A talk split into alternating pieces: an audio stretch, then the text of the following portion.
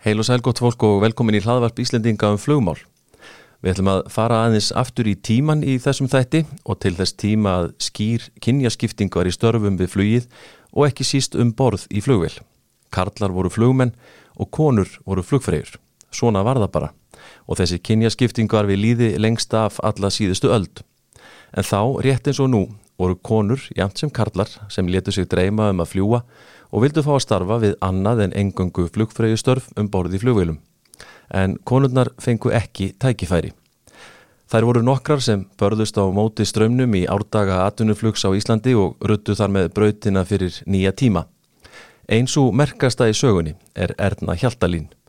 Hún var fyrsta konan til að taka engaflugmannspróf, atunuflugmannspróf og til að öðlast réttindi loftsyklingafræðings á sjötta áratug síðustu aldar. En þrátt fyrir alla sína mentun og endur teknar tilraunir og umsóknir þá fekk hún aldrei tækifæri til að starfa sem flugmaður. Við ætlum í þessum þætti að fræðast aðeins um feril Ernu Hjaltalín, heyra viðtalsbúta við hana úr safni Ríkisútapsins og skiknast örlítið aftur í tíman.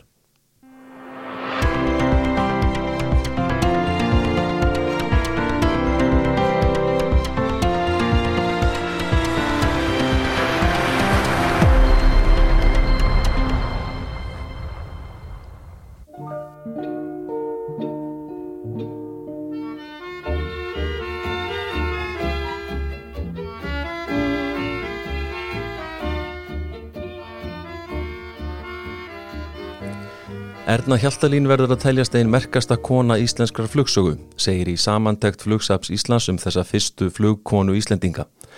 Hún var önnur af sínum kynsistrum til að taka einleiða flugpróf, en fyrsta konan til að taka engaflugmannspróf, atunuflugmannspróf og til að fá réttin til loftsyklingafræðings. Hún er framvörður íslenskra kvenna í flugsögunni og svo sem rutti veginn til framtíðar.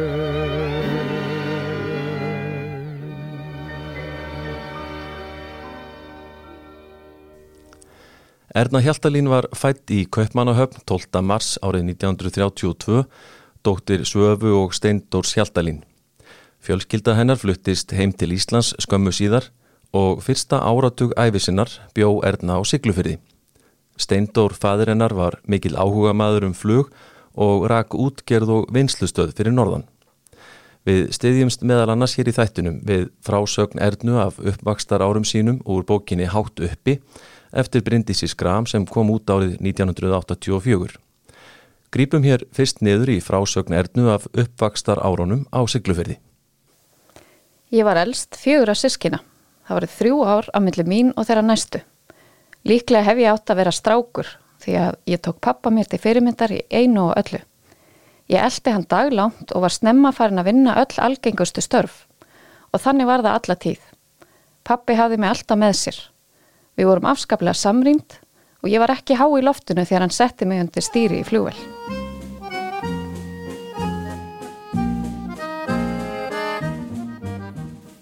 Á sigluferði unnu allir sem vettlingi gáttu valdið þegar síldin barst á land. Mæðurnar fóru að salta og börnin fylgdu með.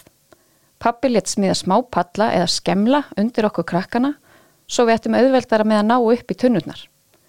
Að vísu vorum við ekki með tunnur heldur kúta en hann borgaði okkur þrjár krónur fyrir kútin þar sama á konurnar fengu.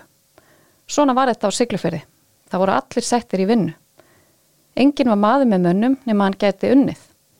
Þetta var indislegur tími og ég á mína bestu minningar frá þessum árum.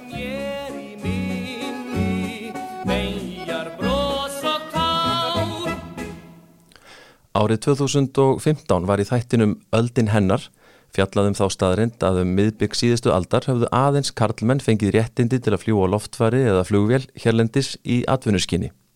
Í þættunum var byrt viðtal við frumkvöðulinn Ernu Hjaltalín og hennar baróttu líst í stuttu máli. Heyrum hér stutt brott úr því viðtali. Ég var alltaf með útdellu. Fæðið mér var með flugskólun á Akureyri og hann var líka með flugdellu og ég var múið mikið pappastelpa Svo ég eldi pappa hver sem hann fór þegar maður var að fara í flug. Þá flögum við út um allt bara, aðalega fyrir norðan. Erna segist ekki muna hvenar hún hafi flóið fyrst sóló, en hún hafi ekki verið orðin 15 ára því það þurfti að fá undan þáu. Fyrsta sóloflugið hennar var á Piper Cup í eigu föðurinnar. Í framhaldi af því flög hún mörgum tegundum flugvila eins og Boeing Styrman, Lockheed Hudson, Miles Magister, North American AT6 Harvard, RC3CB og Fleet Finch sem erna nefnir sérstaklega í bók Bryndísaskram að hafi verið afar skemmtileg flugvel. Erna flög einnig nokkrar ferðir á Grömman Gús, milli Akureyrar og Reykjavíkur á árunum 1951 og 1952.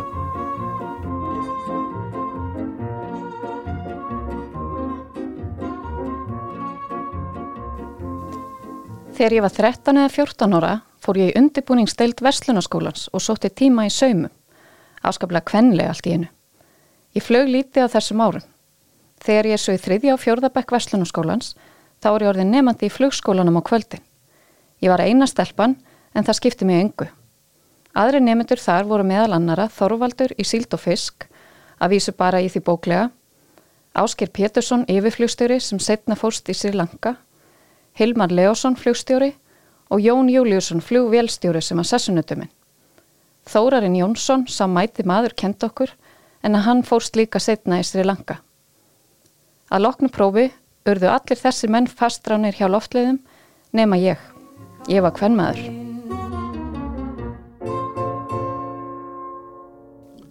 Að loknu engaflugmarsprófi á 18 ára afmælisteginum sínum árið 1950 egnaðist Erna Hjaltalín eins reyfilsflugil af gerðinni Piper Cup. Erna segir það dásamlega endurminningu þegar fadir hennar vaktana á amalistægin og veifaði liklum yfir rúmun hennar, brosti til hennar og saði einfallega Hæ, til hamingju. Á þessum árum, kringum 1950, tók Erna þátt í síldarleitarflugi í tvö sömur og flög þá Lockheed Hudson vél í síldarleit með Páli Magnúsinni flugstjóra og karlarnir urðu stundum kvumsa þegar þeir heyrðu af stelpunni að fljúa eins og Erna rifjar hér upp. En svo var ég að fljúa í hérðinsfyrri í síldaflugi, þá var ég aðstoflugmaður. Þá þurfti við alltaf að kalla inn og segja á þessari lengdagráðu brettagráðu það er síldin þarna og þarna. Þá heyrðum að stundum sjómennan segja láti ekki stelpun að vera að þvælast í radjóinu. Fyrra sömarið í síldarleitafluginu var ég í fljótum í Skagaferði. Þar byggum við í bregga. Ég man hvað ég var heikinn þegar ég kom heim og sagði pappa að ég væri búin að ráða mig sem síldarleitarflugmann. Hann var með súðina gömlu á þessum tíma og ég var eiginlega búin að ráða mig hjá honum sem hjálpar með sig um sömarið, en ég tók flugið fram yfir.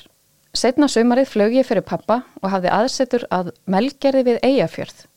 Þá var mér bóðið á ball í fyrsta skipti á æfinni. Ég spurði flugstjóran Pál Magnússon hvort mér var í óhætt að þykja bóðið. Það verður ekki flógið, sagðan. Það er bræla á miðunum. Ég fór á ballið allsæl. Þetta var á hótel Kea á Akureyri. Ekki var ég fyrr komin inn en ég heyri flugvilegin í. Ég var ekki lengi að snúa við. Beint út af melgerði. Ég gæti ekki hugsa mér að vera á balli á meðan flugvilin væri á lofti. Í þessari ferð brotlendi Pállvílinni og hennar ferðli var þar með lokið. Pappi þurfti að fá nýja vél og það stóð til að ég færi með Páli til að sækja aðra til Englands. Þetta var næsta vor og ég átti einmitt að taka lokaprófi dönsku þessa sömu daga. Pappa fannst það einfalt mál að fá prófunum frestað en mamma sem sagði nú yfirleitt ekki mikið hvað við þvert nei. Hún líkur sínu verslunar prófi, svo getur hún ráður sér sjálf eftir það. Þetta er í eina skiptið sem ég minnist þess að mér hafi verið bannað nokkuð. Morgunin sem ég er að fara í prófið ringir síminn klukkan sjö. Fljóvelin hafi farist á leðinni á samt áhöfn. Erna vann ötulega að því markmiði sínu að verða atvinnuflugmaður. Flugnámið var byggt upp með öðrum hætti en í dag og það tók sinn tíma að klára allt námið. En þegar Erna var um tvítugt, þá var hún komin með um 200 flugtíma en það þurfti á þeim tíma ekki nefnum 50 tíma til að fá réttindin. Sumarið 1951 gerðist Erna flugfreyja hjá flugfélagi Íslands því það vildi engin ráðana sem flugmann. En henni líkaði ekki starfið og hún hætti fljótlega. Um haustið 1951 fór Erna til Bandaríkjana. Hún vildi læra ennsku og skoða sig um í heiminum. Hún sneri aftur til Íslands sumarið 1952 og var þá einn bjartan júlidag að setja bensín á flugvel sína út á flugvelli þegar þar koma aðvífandi tveir þjóðþektir menn úr fluginu þeir Kristinn Olsen og Alfred Ég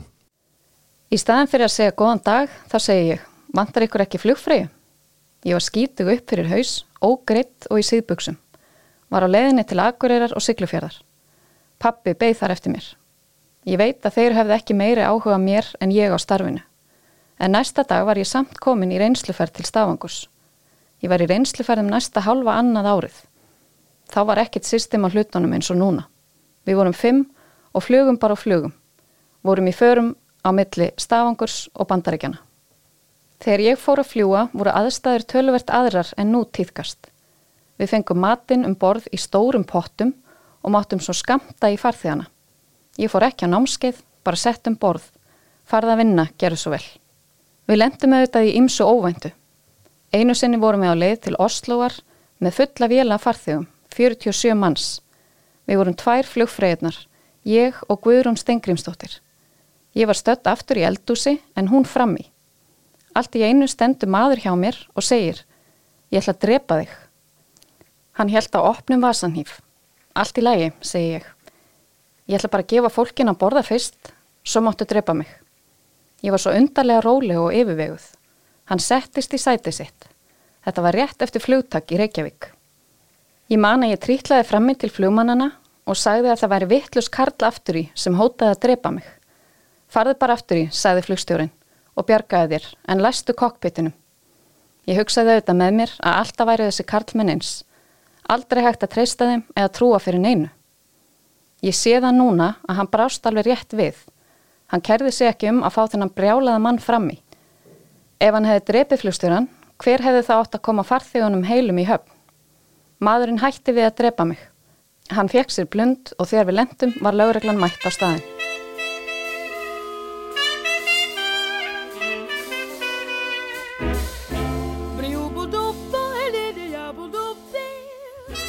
Þegar ég var búin að vera í reynsluferðum í eitt og halvt ár fór ég niður á skrifstofu til Alfreds og spurði hvort hann myndi nú ráða mig eftir þennan langa reynslutíma. Ertu hér enn? spurðan og við bara hlóum. En ég var ekki alveg búin að gefa atvinnuflugmanns hugmyndina upp á bátin. Ég fór í blindflugið á fullu og svo flög ég alltaf mikið með pappa. Í hvert skiptir sem starflosnaði sótti ég um, en þeir sögði alltaf, þú ert stelpa. Það var vonlust að reyna það var sagt við mig fast þetta myndi aldrei þóra að fljúa með þér og þetta var bara svona. Einu sinni var ég komin út af öll og var að búa mig undir flug. Bladamæður og ljósmyndari voru mættir á staðin. Þeir báði mig vinsamlegast að fara heim og skipta um fött. Þeir vildi fá mynda mér í kvenlegum klæðum. Það voru aðalega fótleginnir á mér sem þeir voru að sælast eftir. Vildi fá myndir af þeim þegar ég vippaði mér upp í flugmannsætið. Stars shining bright above you Erna hóf nám í loftsyklingafræði árið 1952 hér heima en fór síðar til bandarækjana til að fullnuma sig í fræðunum. Hún fekk réttindi loftsyklingafræðings í februar 1956. Þegar ég kem heim aftur sæki ég um að verða syklingafræðingur en þeir vildu mig ekki. Það myndi enginn þóra að fljúa með þér, sagði Alfred og ég trúð honum. Svona einfalt var það. Fyrst ég gæti ekki fengið það besta, þá tók ég það næst besta. Auðvitað var ég sár, en ég erði ekki hlutina. Ég reyndi bara að vinna vel það sem ég var trúa fyrir. Skömmu síðar böðst Ernu að starfa fyrir loftleiðir í Kaupmannahöfn og eftir eitt ár þar sem stöðvastjóri var henni bóðin fastráning en á umtalsvert lagra kaupi en þeir karlmenn sem áður hafðu unnið sama starf. Hún kaust því frekar að flytja aftur heim til Íslands og þar böðist henni að fara aftur í flugfrægjustarfið. Úti í Kaupmanna hjá SAS þar sá ég sundin rúsneska flugkonur og það kom svona til, ég talaði sundin við þær og það segði bara kontið til Rúslands, þú fær vinni sem flugmaður en það var á þeim tíma sem maður fór ekki til Rúslands. Eftir Danmerkudvöluna ætlaði ég enn að reyna að komast í flugstjórnaklefan en það gekk ekki. Þetta vakti töluverða aðtikli og það erði bladaskrif en þá var engin rauðsokkurhefing til að steyðja við bakið á mér. Nú eru breyttir tímar og ég hef líka breyst. Kanski ég þessu ekki nægilega til streytu. Þetta var líka fjárhagsatriði. Hefði mig virkilega vanta peninga þá hefði þetta kannski gengið betur. Ég hefði barist harðar. En peningar hafa aldrei skipt með máli. Árið 1959 var ímislegt gert í tilefni af 40 ára afmæli flugsins á Íslandi og eitt af því eru þau bladaskrif sem nefnd voru hér að framann og framkom í frásögn Ernu í bók Bryndísa Skram. Tíðindamaður Morgumbladsins tók Ernu tali í tilefni afmælisflugsins og byrtist greinin í bladinu þann 8. september 1959 undir fyrirsögninni Hún fær ekki að gera flugið að atvinnu. Þar er Erna kynnt til sögunar sem eina konan á þeim tíma sem hefur haft í hegju að gera flugmennsku að atvinnu. Við skulum heyra hér lesin hluta af þessu viðtali en einn fyrsta spurning bladamannsins til Ernu er þessi. Voruð þér ákveðnar í að gera flugmennskuna að æfistarfi? Já, en það hefur gengið mjög erfilega að láta þann draum rætast. Þeir vilja ekki hvern mann í flugið. Fyrstu tvö árin eftir að ég tók flugprófið flög ég sem aðstóða flugmaður á síldarleitavélinni en eftir það reyndi ég að komast að hjá öðru kvóri flugfélagana en svörin hafa jafnan verið á einn veg. Það dætt mér í hug að gerast loftsyklingafræðingur í vonum betri atvinnu möguleika og lög ég prófi í þeirri grein í Ameríku. En ég hef ekki heldur fengið vinnu við það. Það hefur alltaf strandað á því sama. Ég er kona. Og bladamaður spyr áfram, hafið þér lokið flugmannsprófi þannig að þér megið stunda farþegaflug? Ég hef lokið því prófi nema blindfluginu sem ég hef ekkert verið að flýta mér að taka þar sem ég sé ekki fram á að ég gerir neitt með prófið. Haldi þér að konur séu jafn ríkum mæli og karlar gætar þeim eiginleikum sem góður flugmaður þarf að hafa, svo sem ábyrðatilfinningu, aðtiklisgáfu og almennri greint, svo eitthvað sé nefnt? Ég held að konur hafi yfirleitt ábyrðatilfinningu í ríkara mæli en karlar og þær geta haft mjög góða aðtiklisgáfu og við erum ekki heimskari. En það er engu slíku bóri við. En ég hef aðeins heyrt eina frambærilega ástæðu gegn því að konur gerðist flugmenn. Hún var á þá leið að þegar aðstofarflugmannskildunni væri lokið þá væri þetta orðin það dýr skóli að það væri spauglust ef flugmaðurinn gifti sig og færi að segja um börn og heimili í miðju kafi. Þér eruð flugfreyja. Finnst yfir það ekki lítilmótlegt þar sem þér gætuð verið flugmaður? Fyrst fannst mér það ekkert spennandi en ég er fyrir löngu komin yfir allar flugmannsgrillur og nú sætti ég mig við örlugum mín og þá finnst mér flugfreyjustarfið mjög skemmtilegt. Sem flugfreyja reynir maður margt sem maður myndi ekki reyna ef maður væri fram í að stýra. Hafið þér þá enga vonum að það rætist úr þessu og þér gerist atvinnuflugmaður eitt góðan veðudag? Nei, og þó mér væri bóðið það núna, þá myndi ég ekki taka því. Fljúið þér öðru kvoru? Já, við pappi um enga flugvel og ég flýg stundum í tómstundum mínum. Ég hitti fyrir að flögi ringin í kringum landið í sumafríinu mínu. Það var ákaflega skemmtilegt. Það er svo víða fallegt á Íslandi en ég hef ekkert flóið í sumar, það hefur verið svo mikið að gera. Þetta var úr morgumblæðinu í september 1959 og á þessu sama ári var einnig á dagskrá Ríkisútarpsins hátíða dagskrá í tilefni af 40 ára afmæli flugs á Íslandi. Við það tilefni tók Sigurður Magnússon, bladaföllrúi loftleða, örstuðt viðtal við Erdnu Hjaltalín. Viðtalið er af svipuðu meiði og það sem byrtist í morgunblæðinu og er mjög lýsandi fyrir tíðaranda þess tíma og við þorf sem ríktu til þáttöku kvenna í atunulífinu eins og fluginu þar sem engungu karlar voru fyrir á fleti. Mér langar til þess góði hlustendur að lofa ykkur að heyra rödd ungra stúlku sem á að baki sögu sem lengi mun varðveitt í annálum flugsins á Íslandi. Hún heitir Erna Hjaltalín og hefur það meðal annars sér til ágætis að vera fyrsta konan sem laug enga flugprófi á Íslandi. Hún er nú komin að efstu tröppinni sem liggur til þeirra dýra sem opnar standa atvinnuflugmanum og þegar hún er búin að fljúa nýju klukkustunda blindflug til viðbótar þá er hún komin alla leið. Búin að fá réttindi atvinnuflugmanna og hefur þá einnig það umframmarka þeirra að hafa fullgild réttindi syklingafræðinga en prófi í þeirri grein laugum fyrir tæpinn tveim árum. Hvernig byrjaði þú að fljúa, Erna? Ég var 14 ára þegar ég fekk fyrsta stýraflugvil hjá pappa mm, og 16 ára fekk ég leiði til að fljúa einn en var það býða til 18 ára aldurs til þess að fá réttindi sem enga fljúmaður. Viltu gera svo vel og segja hlustundunum flugstundafjöldaðinn? Flugtíma mín er um 300 og flugvilagerðina er ég hef flóið eru 6. Mm -hmm. Segð mér Erna, telur þú að konur séu jafn hævar körlum til flugstjórnar. Já, sannarlega, þótt karlmenni gerir sitt ítrasta til að halda hinn og gagstaða fram. Mm -hmm. Þú hefur starfað að flugi hjá báðumflugfélagum, er það ekki rétt? Fyrst starfaði rúmt ár hjá flugfélag Íslands sem flugfræja og það aðalega í innlandsflugi. Síðar fór ég til loftlega og starfað þar enn. Og svo varstu afgriðslustjóri, ef ég mann rétt, hjá loftlega með köpna, var það ekki? Jú, ég var eitt ár á Kastrupflugvelli. Mm -hmm. Og þú heldur að okkur veri óhætti þeirri flugvel sem þú stjórnaðir? Já, því trúi ég öruglega er alveg sammála erna. Já, þér er því alveg áhyggjulegs. Erna Hjaltalín varð yfirflugfræði hjá loftleðum árið 1960 og það sama ár dó Steindór fæðirinnar. Hann var á 50. og 9. aldursári og varð bráðkvattur er hann var í fjallgöngu á Bottsúlur í mæ 1960. Í kjölfarið var ákveðið að selja flugvilina sem þau feðgin höfðu átt og Erna vildi byrja nýtt líf. Mér líkaði mjög vel við flugfræðustarfið. Í rauninu var mér alveg sama hvort ég væri frammi eða aftur í. Stundum fekk ég að taka í en það var borin von að fá að setjast í framsæti til frambúðar. Erna Hjaltalín varð kvorki fastráðin atunumflugmaður nýje loftsyklingafræðingur en þó áttunað baki 217 klukkustundir sem flugmaður, 462 klukkustundir sem loftsyklingafræðingur og sem flugfreyja flög Erna í 20.000 klukkustunda. Ég vildi ég var ung í dag, 20, þá myndi ég fara að fljúa. Þetta var Erna Hjaltalín. Á flugsafni Íslands á Akureyri er varðveitt flugvél sem var áður í eigu þeirra Ernu og Steindors föðurennar. Vélin er af gerðinni Aircoup og var smíðuð árið 1946.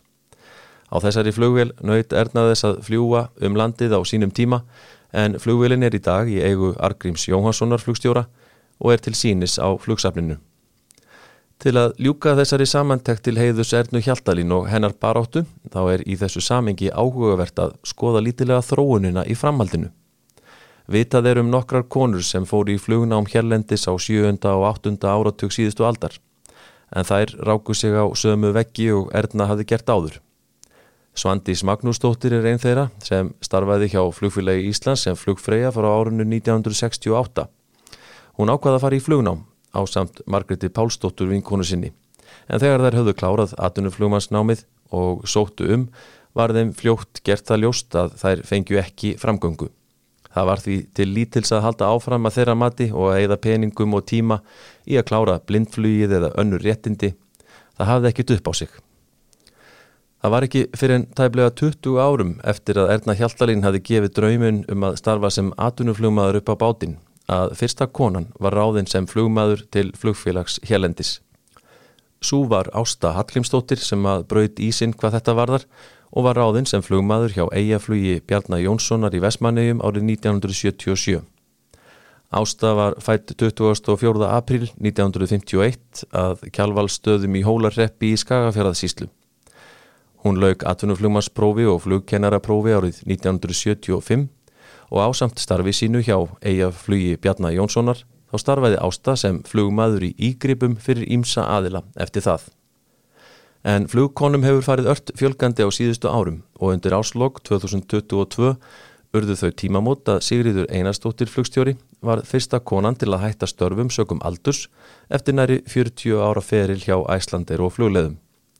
Sigriður var ráðinn árið 1984 og var þar með fyrsta konan til að starfa sem flugmaður hjá flugleðum. Hún var eina konan í hópi flugmannafélagsins fyrstu fimm ár sín hjá félaginu og tíu árum síðar en 1994 voru þær orðnar þrjár talsins hjá flugleðum. Þegar þetta er ritað og sagt eru á 8. tög kvenna flugmenn hjá Æslandir eða sem nefnur nálagt 14% af heldarfjöldanum. Í stjættafélagi flugmanna, FIA, eru konur nú tæplega 10% félagsmanna. Þegar FIA átti 50 ára afmæli 1996 þá störfuðu 5 konur sem aðtunumflugmenn og þar af fjórar hjá flugleðum. Áratug síðar var 31 kona í stjættafélaginu eða tæp 5% félagsmanna. Undanfarin ár hefur konum fjölgað nokkur hratt og hlutvall þeirra eins og áður saði tæplega 10% félagsmanna. Þann annan júli 1996 voru í fyrsta sinn engöngu konur í áhöfni innanlandsflugi á Íslandi. Í stjórnkleifa vélarinnar voru þær Sigriður Einarstóttir flugstjóri og Linda Gunnarstóttir flugmaður og flugu þær fokker 50 flugvél flugleða frá Reykjavík til Akureyrar. Það var svo kvenréttindadaginn um þremur árum síðar eða 19. júni árið 1999 sem það gerðist í fyrsta sinn í sögunni að áhöfni millilandaflugi til og frá Íslandi var engungu skipuð konum. Það hefur gerst nokkur sinnum síðan. Hinn 23. júni árið 2001 var svo annað flug sem líka markaði tímamót en þá gerðist það í fyrsta sinni í sögu áallunaflugs á Íslandi að hefðbundnum kynhlutverkum til þess tíma var vikslað, flugstjóri og flugmaður voru kvenkins en allar flugfröðunar voru kalkins.